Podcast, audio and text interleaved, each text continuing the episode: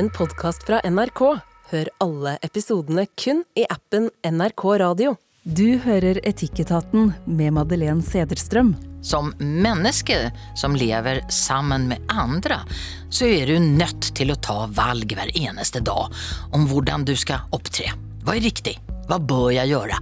Og hvorfor er det iblant så vanskelig å gjøre det som man vet er det rette? Det er det her som er etikk.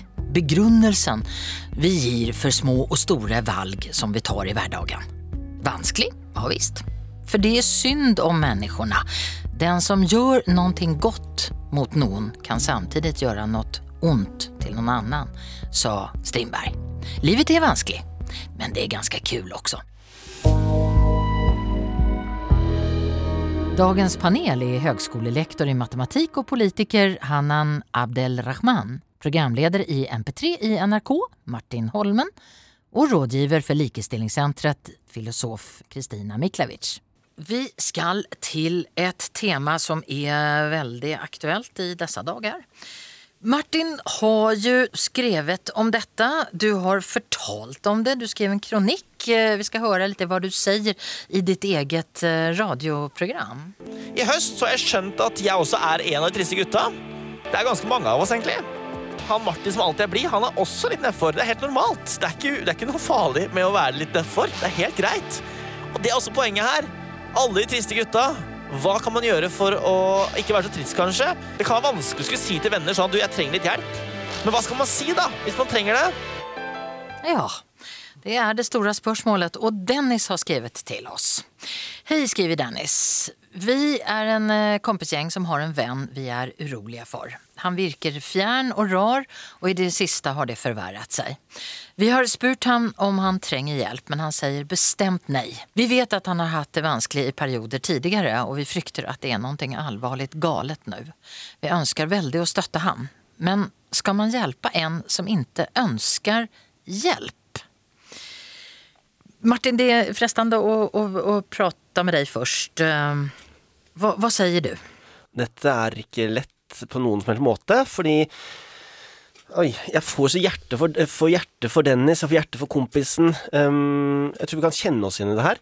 Um, og, og, og, noen ganger så kanskje man ikke innser det sjøl heller. Jeg gikk ganske mange år med å ikke dele noen ting, før det plutselig sa stopp til meg. Og på veien der, jeg husker spesielt godt i sånn ja, de seks siste årene, da gikk også karrieren min veldig bra. Uh, og jeg fikk masse jobber og var skikkelig gøy, liksom. Men, uh, men det var også en periode hvor jeg kanskje så klart å stoppe opp. Uh, hvor til og med nærmeste sa 'Martin, går det egentlig bra med deg?' Jeg hadde en, hadde en kjæreste da, en samboer, som sa 'Martin, og, hvordan har du det?' på en måte. Og, og, og, man kan si sånn 'de skulle ha prøvd mer', eller Men det er vanskelig, altså. Her er skikkelig vanskelig. Hvordan, hvordan går man inn? Jeg, jeg har skikkelig engasjement for alle som opplever det sånn, men jeg har lyst til at du, du som opplever det, ikke skal føle at du er aleine i det. Fordi du trenger ikke å være alene. Hanan, du har jo vært lärare i mange år. Over 20 år.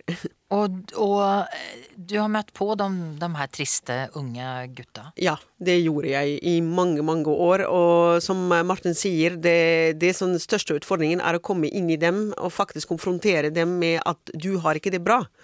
Fordi mange av dem later som de har det bra. Og de smiler gjerne og er med på ting og sånn, men du ser helt tydelig at det er noe som ikke stemmer.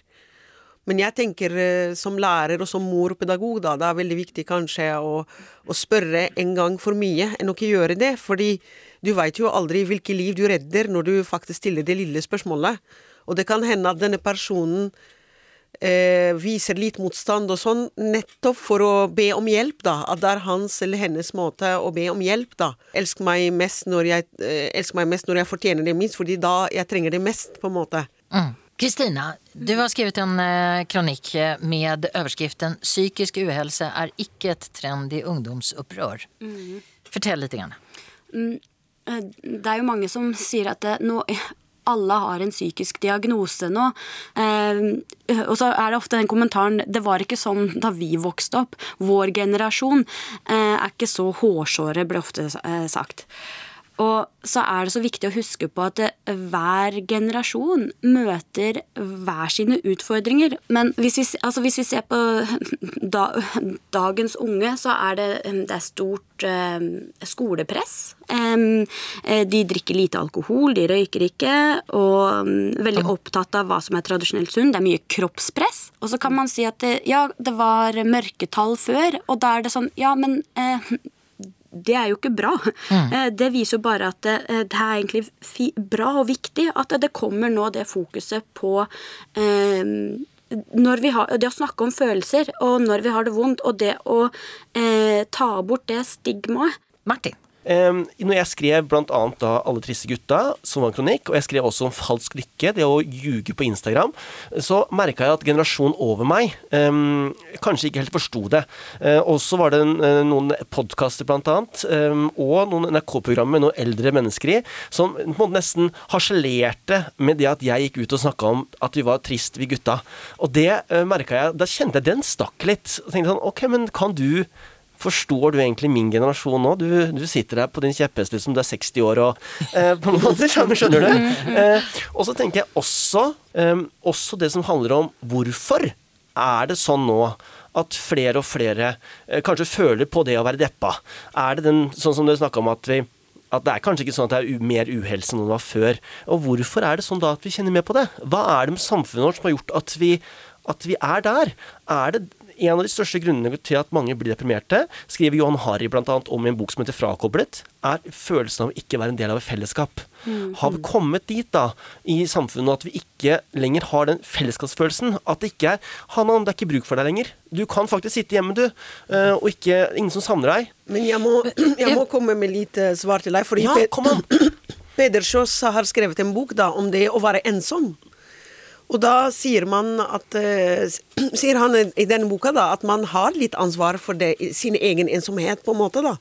Fordi det handler om å engasjere seg også. At du kan ikke forvente at alle skal komme til deg og støtte deg og hjelpe deg. Du må også ta aktiv rolle i å ikke være ensom, da. For, og Kristine, du nevnte det ordet stigma. Mm. Fordi jeg Eh, I motsetning til kommer fra en kultur da, mm. det, hvor det er ikke lov for gutta å, å gråte. Mm. Altså Jeg hører mødrene i min oppvekst si til gutta sine nei, ikke gråt, du er en gutt, du er ikke en jente. Mm. Det syns jeg er helt forferdelig. Kristine? Det her er noe jeg også engasjerer meg veldig og det, han, og For det går også tilbake til den maskulinitetsnormen. At den er så veldig trang mm. uh, for gutter. Mens for jenter så er det, det er, kan være større handlingsrom, men det kan være litt mer kompleks å navigere. fordi at det, uh, det, er, det, er, så mange forskjellige forventninger. Mens hos gutter så er det så veldig spesifikke forventninger. Og så er det tradisjonelt sett uh, en maskulin dyd og um, skulle beskytte familien sin, forsørge familien sin og ivareta ja. at familien lever videre gjennom sin forsørgelse. Og det samme har vi i kulturen vår, det, ja. og islam også. Ja. Mm. Og mye av det henger, det, det henger jo fortsatt mm. igjen. Og her kommer også den ensomheten inn, tenker jeg. Mm. Uh, fordi hvis at eh, man ikke har eh, en samboer eller en partner og er singel altså Det er jo snakk om mange ufrivillige barnløse menn som er ensomme. Og der også tenker jeg at her ligger den maskulinitetsnormen. At det, men vi skal, jo, vi skal, jo, være med å forsørge noen. Og da, eh, hvis man ikke får til de maskuline dydene, da eh, feiler man plikten sin til å være mann nok. Eh, og det ligger så mye i det at det, det, er så viktig at vi da egentlig utvider eh, maskulinitetsnormene. Martin, um, kjenner du igjen deg litt i det her? Du pratet tidligere om det her med å ha den oppgaven å tilhøre At det skal være bruk for en. Oh, ja, uh, vent litt, Madeleine. Jeg må bare tenke litt. Ja. Det går jättebra. Du skal få all tid i verden å tenke, Martin. det, det, er fordi det, det, Jeg blir sånn så lei meg òg, hvis, hvis, dere forstår, mm. når jeg hører ja. om det her. Og jeg, jeg, setter meg veldig inn i det, og jeg tenker um, vi, vi, må snakke mer om det her. Dette er veldig bra. Og så kjenner jeg meg igjen veldig. Uh, samtidig gjør jeg ikke det. For jeg har vokst opp med pappa som driver bilverksted. Han er eier av det. Jeg har vært med på, vært med på verkstedgulvet hele oppveksten min. Og så er det noe i meg som blir utrolig Jeg blir så varm når jeg kommer på verkstedet nå, for nå er jeg en del av verkstedgutta. Og hva er det det også? Det er noe sånn interessant i det òg, når man da kommer på et verkstedgulv som er bare fullt av menn, og så er jeg bare Der er jeg bare Martin. Det er, de, de framsnakker det å være homofil eh, på hele verkstedet, og det blir jeg så stolt av. Um, og så Det er noe vakkert i det. Samtidig så hvorfor skal jeg måtte kjenne på den stoltheten? på, mange, på, på også måte. Så jeg uh, Uff, ja. Og så kjenner jeg på noen Jeg er liksom så Feil ord bruker lei, men jeg, jeg vil ikke høre flere historier av, av kjærester, naboer, venner, uh, familiemedlemmer som begår selvmord. Nå vil jeg at vi som samfunn skal ta Vi skal ta hånd om hverandre. Det å skulle gå til psykolog, helsesykepleier, helsesykepleier, eh, BPU, BUP, eller hva søren måtte hete, eller melde seg inn i DNT eller 4H, eller hva det er for noe, det er Det krever noe av deg, og jeg har lyst til å gjøre den terskelen så lav som mulig. For jeg veit hvor, hvor vanskelig det kan være å skulle være den der som sier sånn Hei, her er jeg. Eh, Ja, jeg trenger et fellesskap.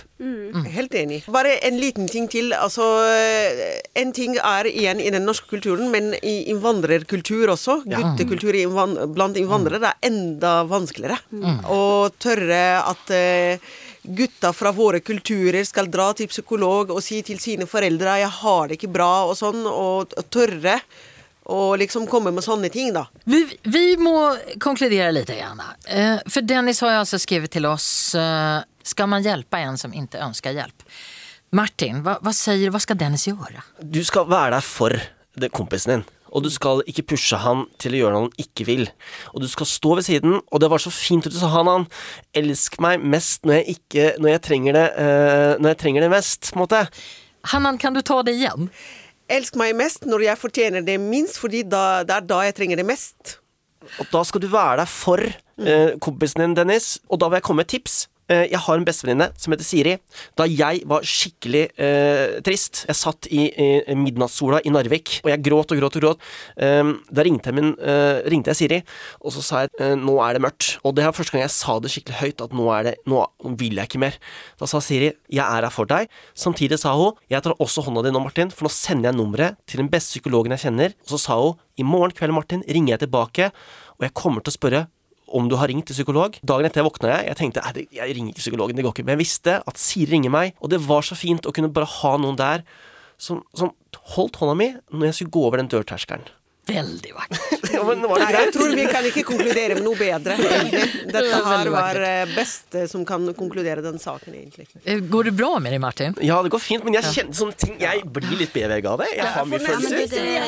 Ja, men ta en klem, Hanna. Du får det.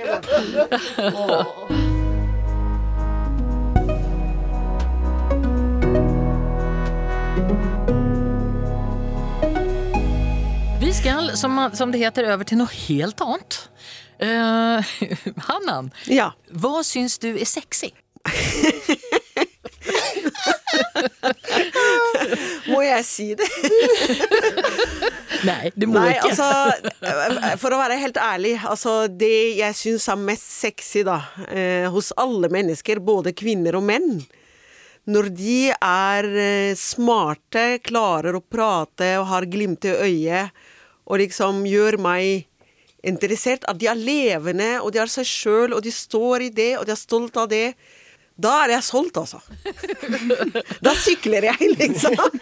Hanan, ikke du snakker om meg. Ha det slutt. Kristine, hva, vad, vad syns du er sexy?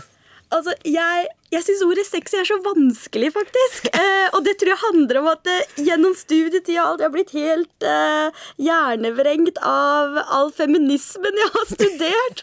Men så har jeg da tenkt sånn ah, Hva er det som er hot? Det er et ord jeg har brukt. Så ja. Hva, hva Eh, syns du hot? det, det som er hot eh, Høres kanskje litt kålete ut, men helt, altså, samtykke eh, for, Det er noe med at det skaper så et trygt rom for å kunne eh, være leken og åpen. eh, Og i tillegg eh, bukseseler på kvinner. Er Oi, oi, oi, oi. Så er de to tingene mine. Ja. Martin, hva syns du er sexy? Noe av det mest sexy jeg veit om, og Hanna, nå må du passe på her, men jeg bare presiserer, det er gutter med allværsjakke. Åh. Det er altså Hold meg fast. Da Det er deilig, det. Underbart. Vi skal prate om porno. I Norge så blir vi i snitt eksponert for porno første gang når vi er 11 år, som er seks år før gjennomsnittet har sex for første gang.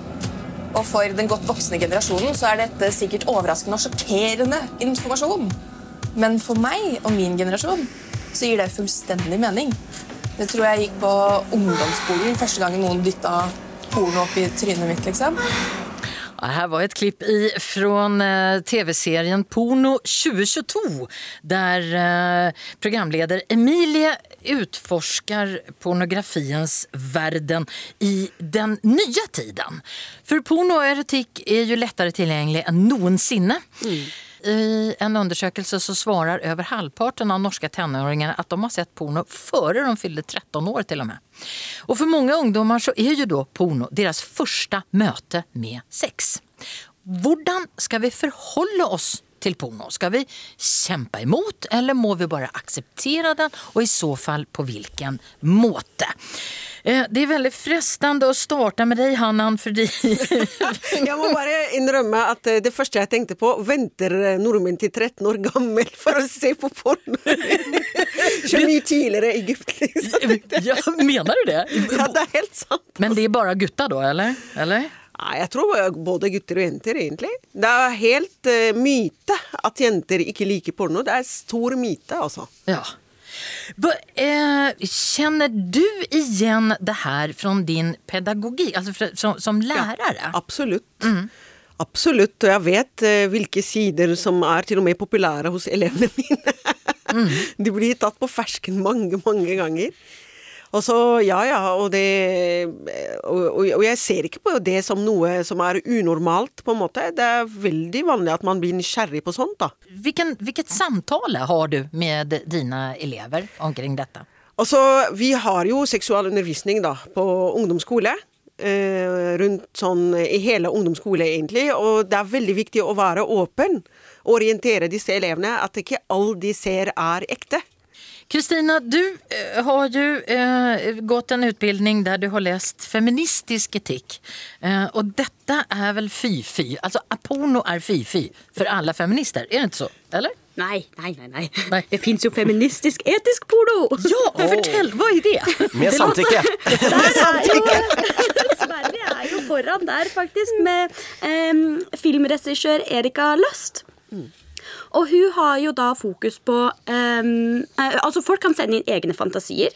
Uh, folk blir godt betalt. Hun er veldig opptatt av strukturen bak, i tillegg til hva som kommer fram på skjermen. Altså industrien, men også uh, hvordan påvirker det holdninger, og hvilken kunnskap er det det gjensidig kunnskap er det det gir, da.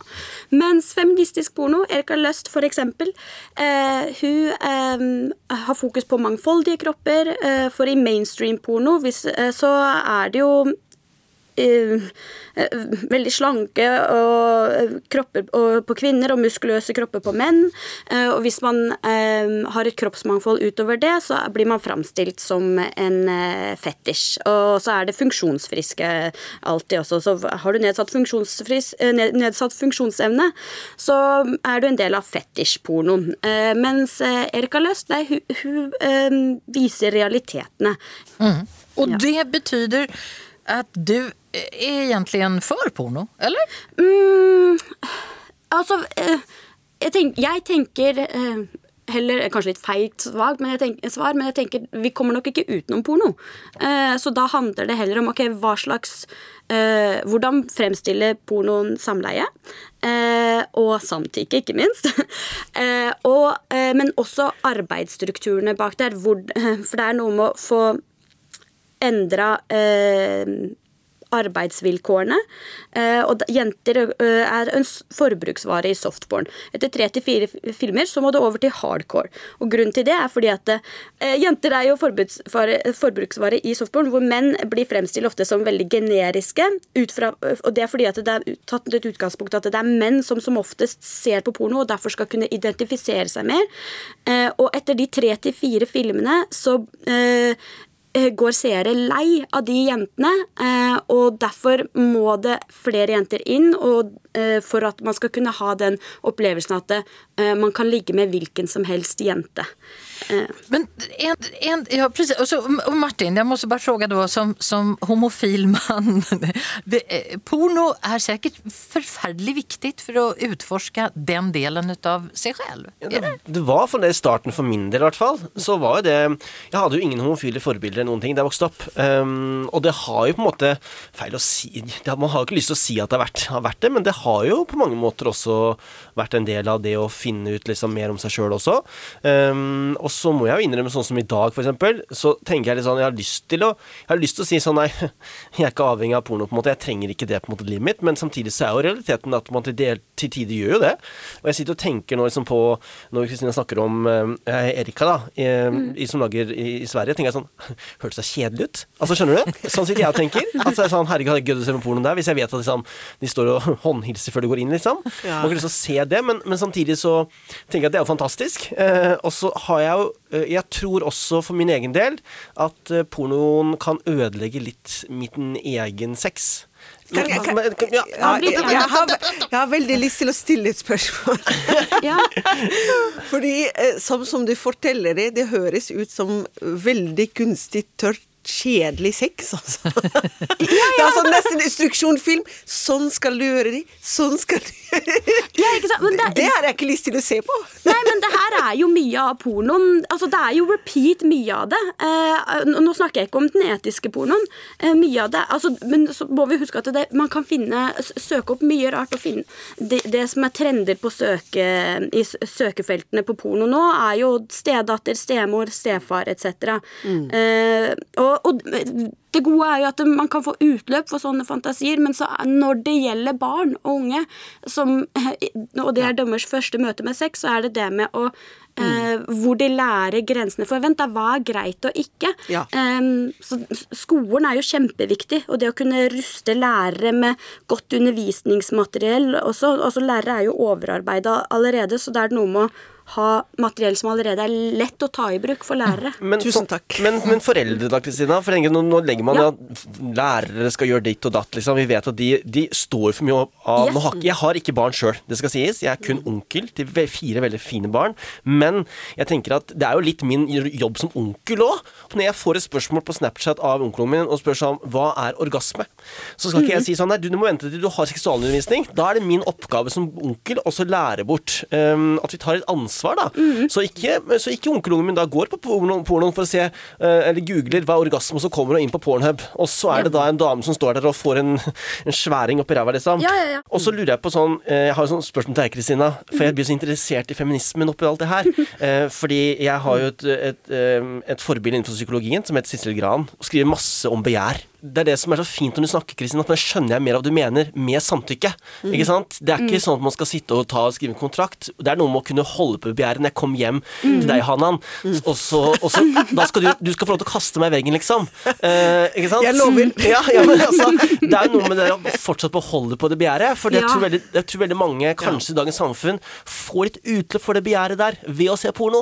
Eh, fordi man føler at man kan ikke Jeg kan ikke kaste Hanan rundt i leiligheta, på en måte. Fordi, eh, fordi det er ikke helt innafor. Man skal måtte være litt sånn eh, man, skal være, man skal være sånn og sånn. Eh, er du, men, kanskje jeg er helt på jordet nå, Kristina? Nei, jeg, jeg, jeg, jeg, sier det mm, mm, Ja, ok, greit. Samtykker. Samtykker, vet du. Det er stor, for jeg sitter på kant og blir så ivrig. Men er det problematisk Hannan, at foreldrene og familiene overlater til lærerne å snakke Det det. om? Det er det. Det opplevde jeg spesielt når vi har sånn åpen spørretime da, eh, under seksualundervisning. Det er, jeg har opplevd noen ungdommer som virkelig ikke har peil. Og så pleier vi å ha sånn eh, De har spørretimene anonymt, da. Så de spør om alt mulig rart du kan tenke deg eh, mellom himmel og jord når det gjelder sex, da.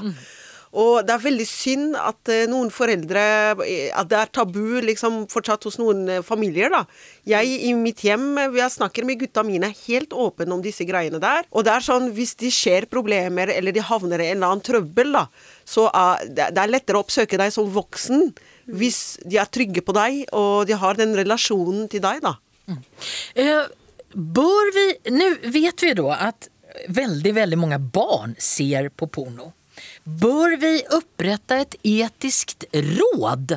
Nei, jeg blir sånn, nå må vi slutte. Det, sånn, blir, det blir for mye Jeg blir sånn, Hvem skal være frivillig i det rådet, tenker jeg. skjønner du? Altså, altså, Jeg skal tipse det rådet om Martin. tenker jeg. nei, men, Han, han, Hannan, kunde du tenke deg å sitte i det rådet? Eh, nei, overlater det til Martin Kristni. Altså. ja. men jeg, eh, eh, jeg flåser litt bort, altså. Men eh, jeg mener noe med at vi må Nei, jeg har ikke Det det Ja. Jeg flåser litt bort. Samtidig så er det noe i det også. Jeg har lyst til å si ja også, samtidig. Hvis du forstår hva jeg mener. Eh, ja. Hanan. Ja, ja, sikkert. Altså hvis eh, i, I hvert fall kanskje å rydde opp eh, i ting som blir sånn misbruk, eller mm. ting som går eh, Som ikke er greit, da. Kristina, skulle vi ha et pornoetisk råd? Altså, ja, jeg tenker hvorfor ikke. Men er, det som er utfordringa, er jo at det, pornoen som er tilgjengelig, er jo ikke bare produ produsert i Norge. Den er produsert fra mange forskjellige deler av verden. Altså I USA så har du jo Adult Performance Artist Guild, som blir jo da eh, fagforeninga på en måte eh, for eh, sexarbeidere i USA.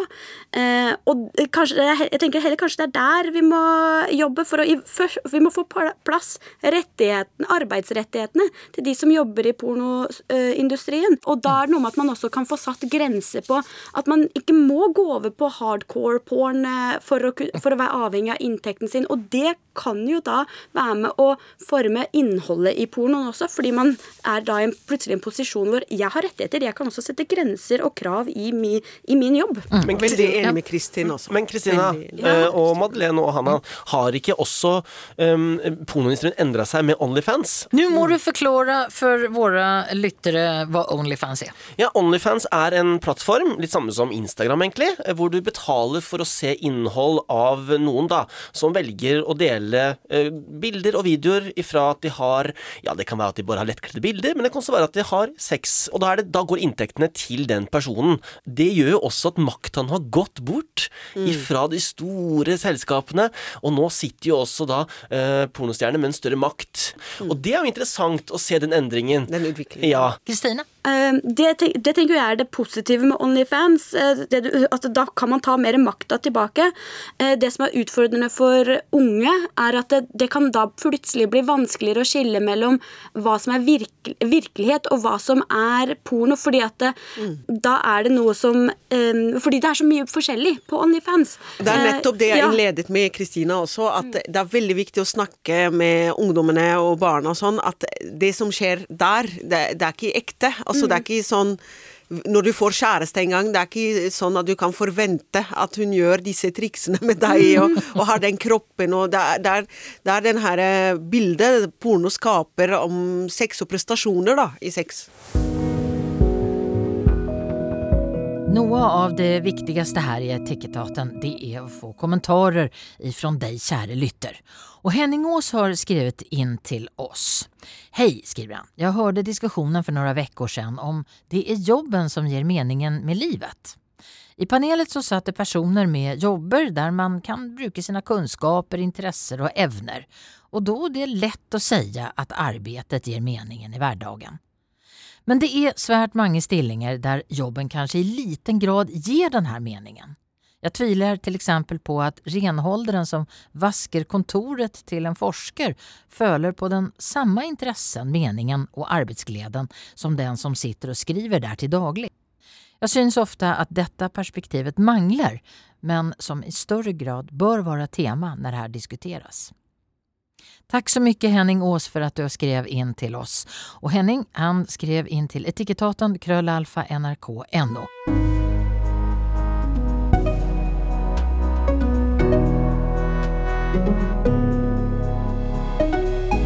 Till panelet, har du upplevt å være i en situasjon der du har følt at du ikke ble akseptert for den du er? Uh, Martin? Ja. Har du opplevd å være i en situasjon der du har følt at du ikke ble akseptert for den du er? Ja, jeg har vokst opp, um, og jeg kan ta ett eksempel. Det å spille fotball, som jeg elska. Jeg følte meg ikke hjemme i fotballgarderoben uh, før kamp og etter kamp, og på trening. Der var jeg alene. Um, så det, det har jeg kjent på. Kristina? Ja, det har jeg. Eh, Jeg er skeiv, og jeg har et etternavn som er fra Slovenia. Um, så på grunn av etternavnet mitt, for eksempel, så jeg, ble jeg tidlig, tidvis eh, pålagt en identitet jeg opplever sjøl at jeg ikke har, og et språk jeg ikke kan. Jeg kan jo ta Etikketaten som et, et eksempel. Eh, Da jeg Første gangen jeg var med på Etikketaten, så ble jeg også spurt om jeg kunne snakke om det jugoslaviske perspektivet på grunn av etne, eh, fordi jeg er derfra. Eh, Men så forklarte jeg jo da at det, har, det får jeg ikke gjort, fordi jeg har ikke den kulturelle tilhørigheta der. Jeg er født og oppvokst i Norge, og det er bestefaren min eh, som kommer fra Slovenia. Det er der etternavnet mitt kommer fra. Mm. Hanan? Ja, som eh, muslim, da, veldig synlig muslim eh, med et stykke tøy på hodet, så blir du selvfølgelig lagt merke til. Selv om jeg er matematikkdidaktiker, egentlig, så blir man gjerne spurt kan du ikke snakke om ramadan og ikke sant. Og jeg er ikke noe imam, jeg kan ikke så mye om islam som folk tror. Og ikke minst eh, i samfunnsdebatten og sånn, hver gang jeg skal prate om et eller annet da, som ikke har med islam å gjøre, så er det gjerne ja, men se på hun eh, jævla muslimen som skal uttale seg, ikke sant. Selv om debatten eh, Senest nå så snakka jeg om eh, ungdomskriminalitet i en kronikk, og da Du forsvarer dine ekte, dine egne, din jævla muslim, liksom. Ikke sant? Jeg er en svarting, da. Vi har fått eh, en mail ifrån Jan som skriver til oss här. Hej! Vi är ett homosexuellt par som ibland blir inviterat i barndop, konfirmation och bröllop. Och det är ju kjempehyggelig. Men vi sliter med å gå i slike seremonier uten å vite at vi er 100% akseptert og velkomna. Jeg pleier faktisk å ringe til presten for en prat på forhånd. Noen ganger viser det seg dessverre at presten ikke likestiller mitt liv med de som lever i et heteroseksuelt forhold, og da står vi i et vanskelig dilemma. Hvis vi lar være å delta i seremonien, så kan det skape konflikt i familien. Og samtidig så føles det helt feil for oss å være et sted der vi ikke føler oss akseptert og inkludert. Er det vi som er hårsåre, eller kan vi la være å delta i seremoniene, som eh, eh, frågar Jan. Ja, eh, Martin, Ja. Kjenner, kjenner du igjen deg? Ja, det, det, det, det traff veldig, hvis jeg skal være helt ærlig. Um, og og jeg, jeg, jeg I min rolle som programleder så pleier jeg aldri å snakke på radioen sånn Du som homofob, slutt. eh, alle, for jeg tenker at du er egentlig redd. Du er redd for det ukjente. Og min rolle da som programleder, blant annet, det er å, å, å, gi deg en sånn inngang. Sånn, fortelle Men hvordan er det egentlig? Um, og jeg må, jeg, jeg må si helt ærlig at jeg blir, jeg blir fortsatt sjokkert når jeg, når jeg på en måte eh, Nå må jeg passe på ikke uten navn her, men når uh, min uh, lillesøster begynner på en skole, uh, tar med seg venninner hjem, og så får man høre at noen av de venninnene da ikke aksepterer den jeg er, eh, men har vært i mitt hjem. eh, vi deler, jeg er samboer, jeg er min lillesøster. eh, og så ble jeg sånn, men eh, Og så måten de forklarer seg på, er at nei, eh, i Bibelen står det ikke sånn, eller at nei, det er mann og dame, vet du. Og så blir det sånn Å ja, så du hever deg over? Eh, at du har et helt annet Også menneskesynet er bare helt sånn Men og jeg, forst- jeg klarer ikke å forstå det helt, men jeg kan forstå at det kanskje er redsel der for noe. Kristina, er det det her homofile parets oppgave å ringe og sjekke om de har med en eh, homo-uvennlig prest å gjøre? Altså, jeg vil jo takke dem for at de ringer prester. Det er jo det er faktisk et viktig opplysningsarbeid og pådriverarbeid eh, for eh, å skape flere trygge rom for skeive. Eh, men så har, tenk, har jeg tenkt litt på det at det, er familie, det er jo da familier som inviterer til at nå er det en seremoni. Og da tenkte jeg litt sånn Men kanskje det heller er familien skal, Eller ikke kanskje, jeg syns at familien bør ringe til eh, Om det da er i en kirke, da ringe til presten for å høre eh, når du skal holde en tale, eh, hvordan eh, snakker du om skeive da? Eller hva er ditt syn på skeive? Hvordan kommer det fram i kirka hos dere? Eh, for da er det noe med at eh, familien eh, er med og letter den byrden. Hannan, her er det jo lett å gå rett til din eh, muslimske bakgrunn. Ja. Hvordan, hvordan gjør man, gjør man sånne her saker i det muslimske? Om du, om du er en muslimsk seremoni? Og så For å være helt ærlig, hadde det vært eh, min familie og mine slektninger som er skeive, Og så jeg syns det Jeg har ikke ryggrad, da, hvis jeg skal drive og spørre, og spesielt de, på en måte, og lage mye styr ut av en del av min familie som er skeive, skal komme og sånn. Det syns jeg er egentlig litt dårlig gjort mot det paret, da. At det skal være selvfølgelig skal være velkommen, og det er ikke noe å spørre om, seg om, liksom. Så jeg, jeg, jeg, jeg blir litt lei meg når jeg hører egentlig dere og de, det paret, at det er utrygt, og det er fortsatt spørsmål-greia, da. Fordi altså Jeg hadde håpet vi kom lengre i samfunnet vårt. At eh, vi aksepterer alle, og alle er representert, og alle er seg sjøl, da. Men sånn er det ju eh, helt vitterlig ikke. Eh, ikke i det kristne miljøet, og ikke i det muslimske miljøet heller.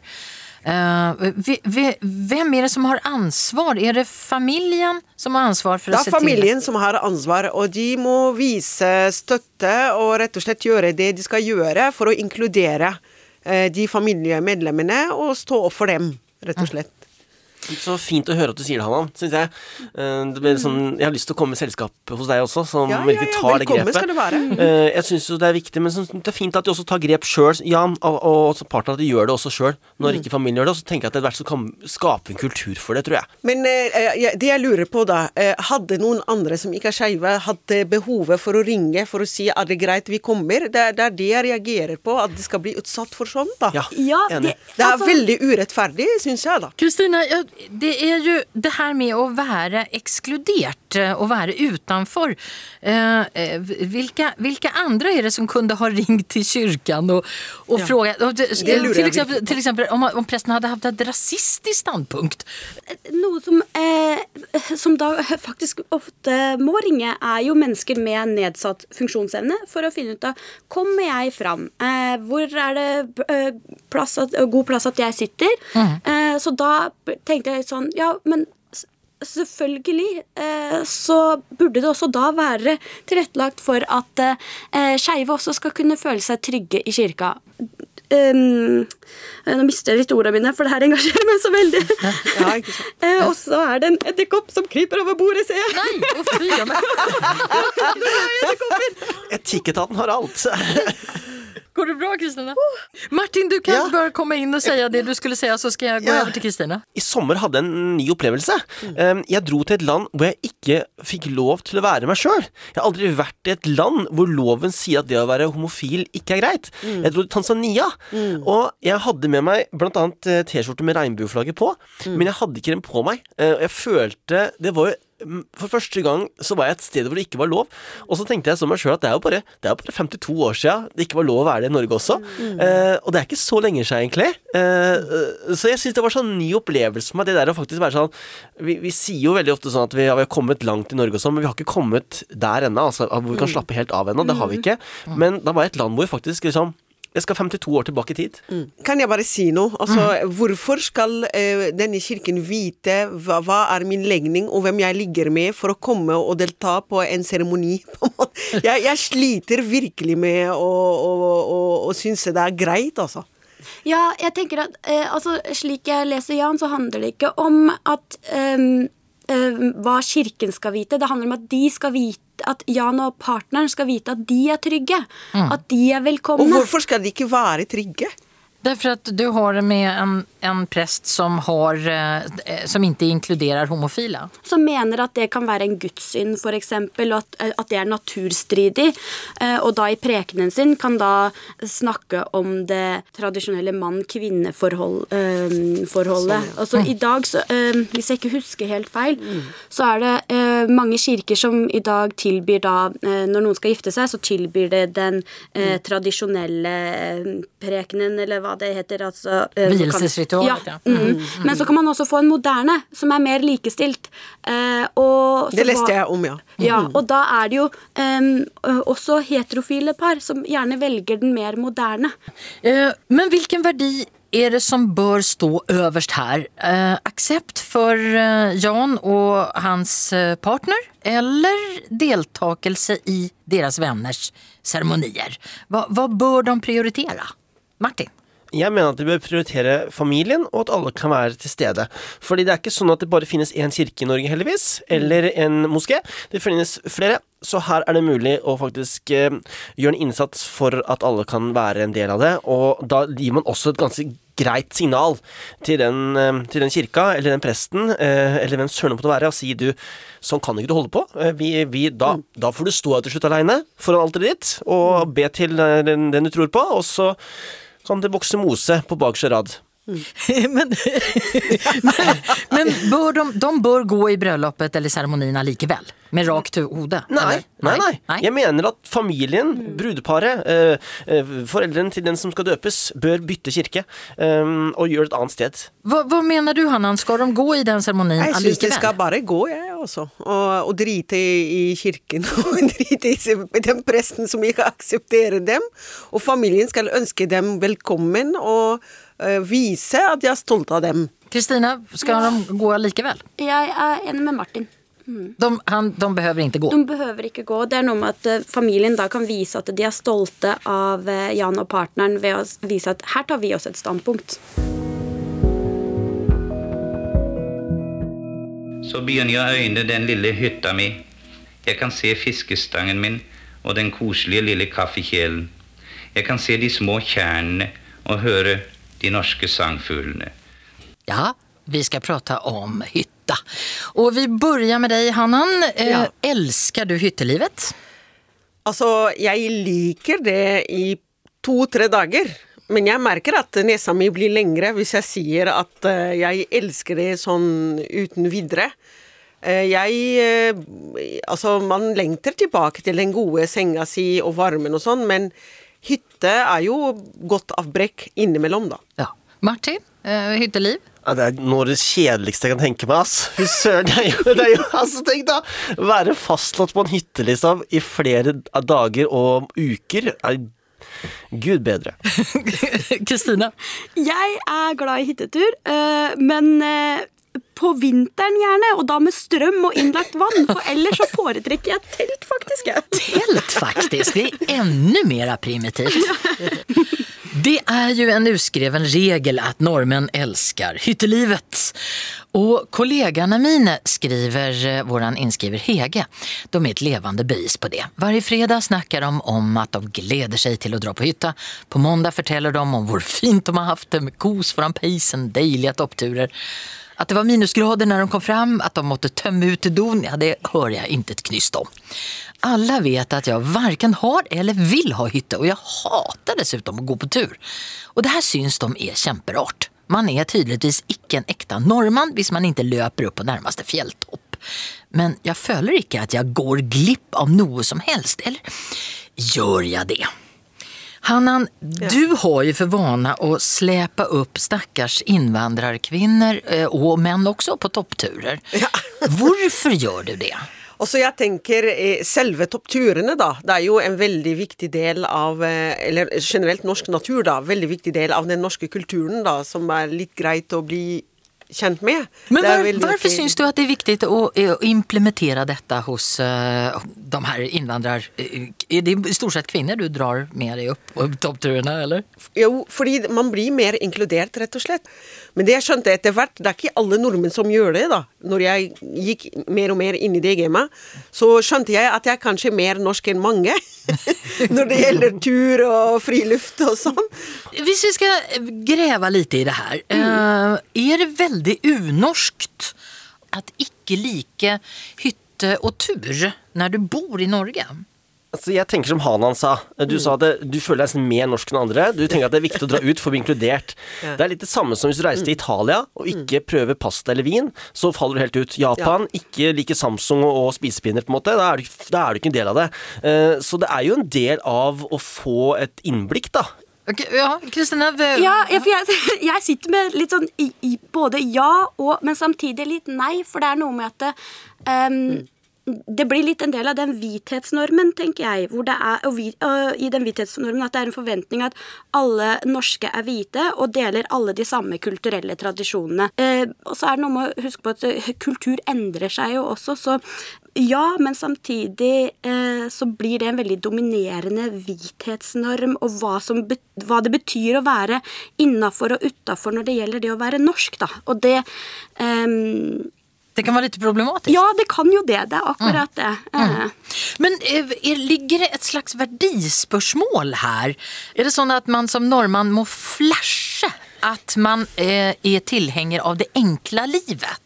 Altså, jeg vil jo si nei, fordi det, det, viser jo at det, da er det rom for å være én type nordmann. Eh, og da er det noe med at det er det som er verdien. Samtidig så er det noe med den eh, Eh, jeg har vært heldig og fått lov til å reise rundt eh, og hatt eh, venner som har kommet på besøk, som også sier at det, det å ha denne tilgangen til naturen, det er veldig unikt. Men Kristine, uh, mm -hmm. jeg syns ja, selvfølgelig, det er veldig viktig det du snakker om. Yes. Mm -hmm. Men samtidig tenker jeg det bør få, få være lov hvis noen ikke er frelst av hytte, da. Mm. Og lufte det med sine venner, som hun som spør oss, da. Ja. Uh, Martin, ligger noe av nytelsen i å yte før du kan nyte? Åh, oh, om det gjør, eller det er jo noe for helt fantastisk å være på en seilbåt og måtte heise seila og, og, jobbe litt for å kunne komme seg fra A til B. Det syns jeg er fint. Og så kjører jeg forbi de dyre seilbåtene eh, som det finnes, Eh, og så tenker jeg sånn åh, det hadde vært deilig. Hæ? Tenk å ha egen varmeovn. Tenk å sånn, kunne åh, åh, toalett, alt det der. Men så er det noe med den følelsen som jeg liker godt, da, at eh, det primitive, enkle jeg har i seilbåten, det gjør jo også at jeg, måtte, har, jeg har ikke en dårlig samvittighet da, når jeg ikke bruker seilbåten her, for jeg veit at denne seilbåten der, den, den tåler å stå en helg uten at jeg bruker den. Uh, det er jeg faktisk råd til. Altså, jeg, jeg, kan si at jeg personlig var blant dem som ikke skjønte helt den greia med hytta, da, i Norge. Mm. Men etter hvert, når jeg gikk inn i det med litt åpent sinn da, og, og hjerte, og prøvde sjøl, da, og prøvde å se hva som er bra med å bo på hytta og sånn, så fikk jeg helt annet syn på det. Men jeg skjønner at hun er ikke helt frelst, og det må hun få lov til, tenker jeg da. Ja. Tillbaka till våran inskriver. Är hon, är hon bara inte norsk nog? Er det det, är det, det som er problemet?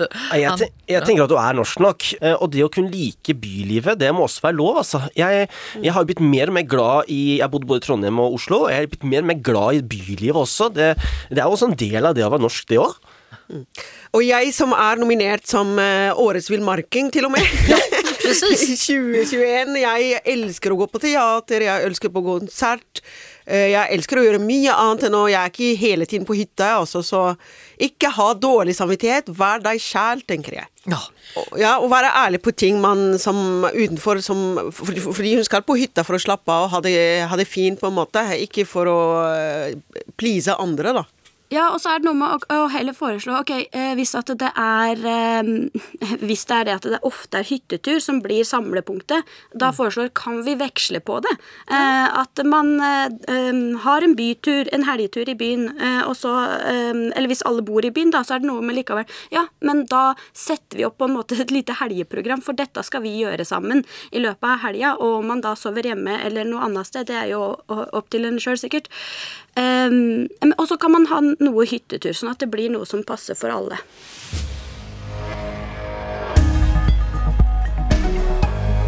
I panelet idag Hanan Abdel Rahman som er mattelektor, programleder i NRK Martin Holmen og filosof Kristina Miklavic. Jeg heter Madeleine Cederström. Uh, ja, vi skal fortsette på kroppsspråket. Hvilken del av kroppen din er du mest fornøyd med, Martin? Skuldrene mine, hvis jeg kan velge det. Jeg Enig. Ja, er du enig? Veldig. Ja, ja. Jeg synes de, uh, det syns jeg det er fornøyd med. Uh, Hanna?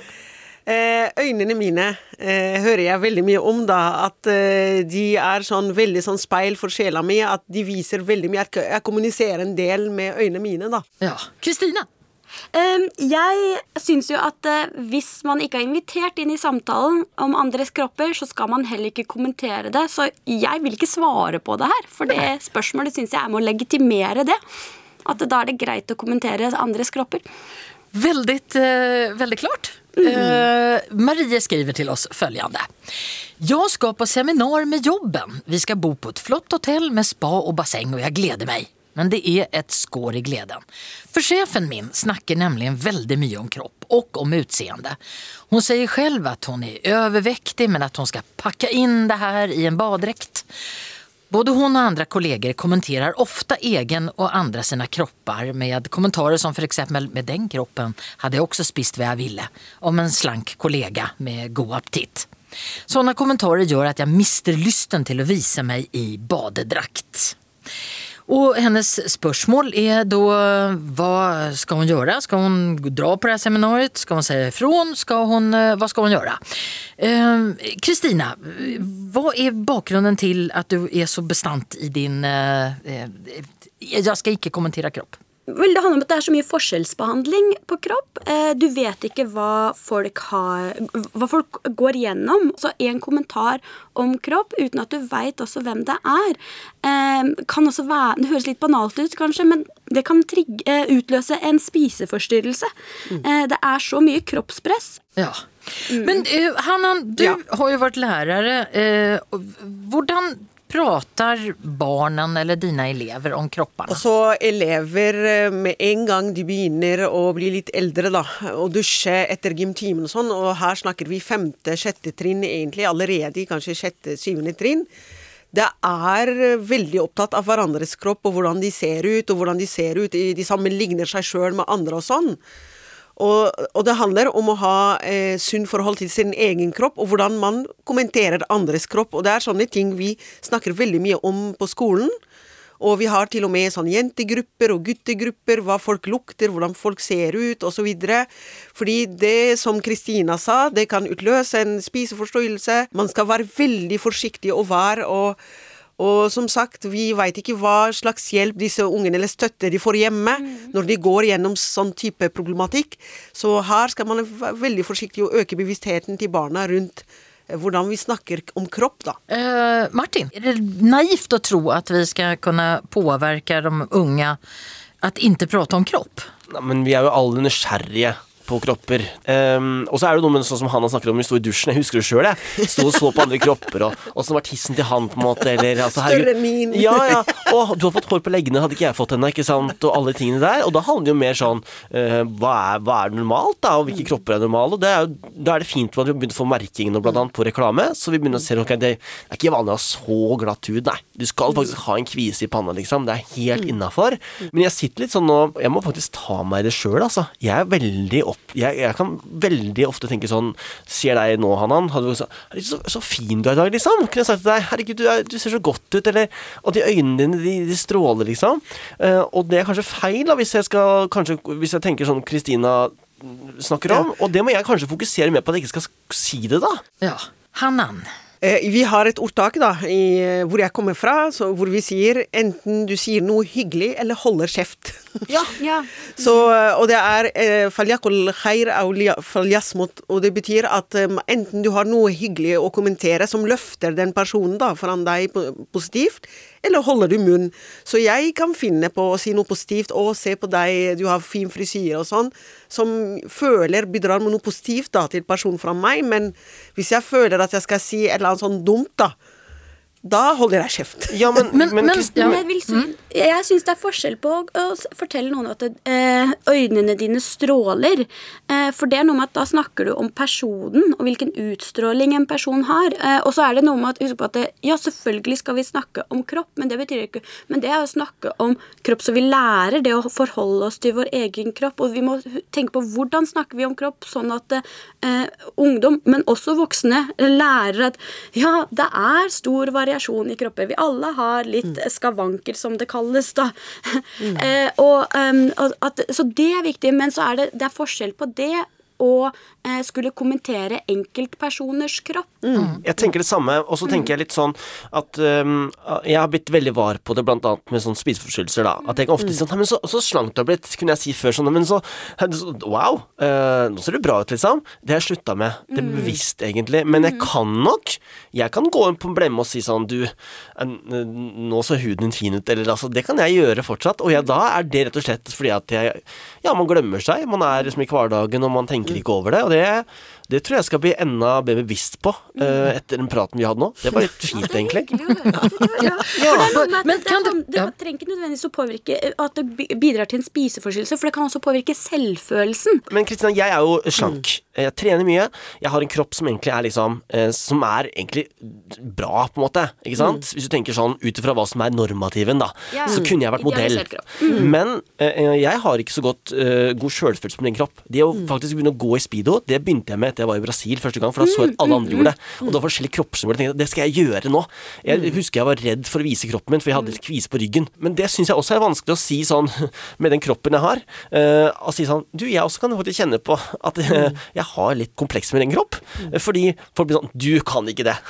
Legg på deg 20 kilo, da kan vi begynne å snakke, liksom. Men det, det er jo precis det chefen nå. For ja. chefen, sjefen prater bare om seg selv. Egentlig så bidrar hun ikke til att öka åpenheten da? Nei. Jeg tenker dette her, altså din eh, rolle som leder, da, og folk skal ha det hyggelig og føle seg trygge og sånn, og så begynne å kommentere enkelte ting og faktorer, og det blir bare feil. Altså, hun har ansvar for å skape den tryggheten og den, den, det åpne rommet, da, at alle skal bare være seg sjøl og kose seg, og, og ikke fokusere hvem de er, eller hvordan de ser ut, eller og vi mennesker vi har kommet til en tid hvor man også overkompliserer. da. Ja.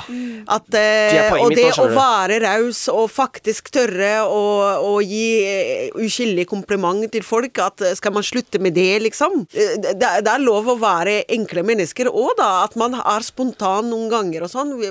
Man skal ikke føle dårlig samvittighet på grunn av det, da. Jeg er delt, Hanan. Jeg tenker jeg er på ditt lag, og så er jeg litt på laget Kristina. Så jeg, nå, er jeg, nå er jeg helt skeiv her. Ja, Kristina, det är, är vi lite hårsåre när vi inte ens, ens tillåter komplimanger? Jeg tenker ikke det. Um, hvis det er noen du kjenner veldig godt um, eh, Kanskje det er noen som skal på en klatrekonkurranse, uh, og da må uh, skuldra deres væ- eh, være sterke på en spesifikk måte. Uh, og det å si 'jeg ser du har jobba godt med skuldrene dine', tror du er eh, klar for konkurranse', altså. altså. Det kan jo da være en fin ting. Eh, for det som er poenget der, er jo at um, du kommenterer hva eh, noen har jobba for i en konkurransesetting, da. Hva Nei, men skal få til. Kristine, nå Ja. må jeg utfordre deg litt her, da. Eh, Jeg har tatt meg i at en gang til banen, en gang iblant, en jente som har fin, krøllet hår, at jeg sa til henne Vet du hva, håret ditt er kjempestilig. Mm. Eh, Har jeg gjort en synd da? Altså, jeg må jo innrømme eh, jeg får, Fordi jeg tydeligvis har jeg fint fall i håret mitt, så jeg får kompliment for mitt, Ja. og jeg jeg, blir jo kjempeglad. Ja, ikke sant? Det er folk jeg ikke kjenner i T-banen, altså. Ja, ja. ja. Men, eh, men så er det altså um, viktig å snakke om kropper, eh, og snakke om hvordan vi snakker om kropper. Ja. mm. Helt enig. Nå, nå håper jeg du som hører på også blir litt klokere. Det var for jeg. Väldigt, veldig bra. Tusen hjertelig takk. Og har du, kjære lyttere, eh, blitt lite klokere efter dagens etiketat eller er det fortsatt like villrådig men på et høyere plan? Uansett, takk for i dag. Du kan høre alle episoder av Etiketaten og mange andre herlige programmer i appen NRK Radio. Og har du kommentarer eller temaer som du vil at vi skal ta opp, så skriv til etiketaten krøllalfa nrk.no. De som gjør Etiketaten er Hege Strømsnes, Hanne Næss og jeg heter Madeleine Cederström.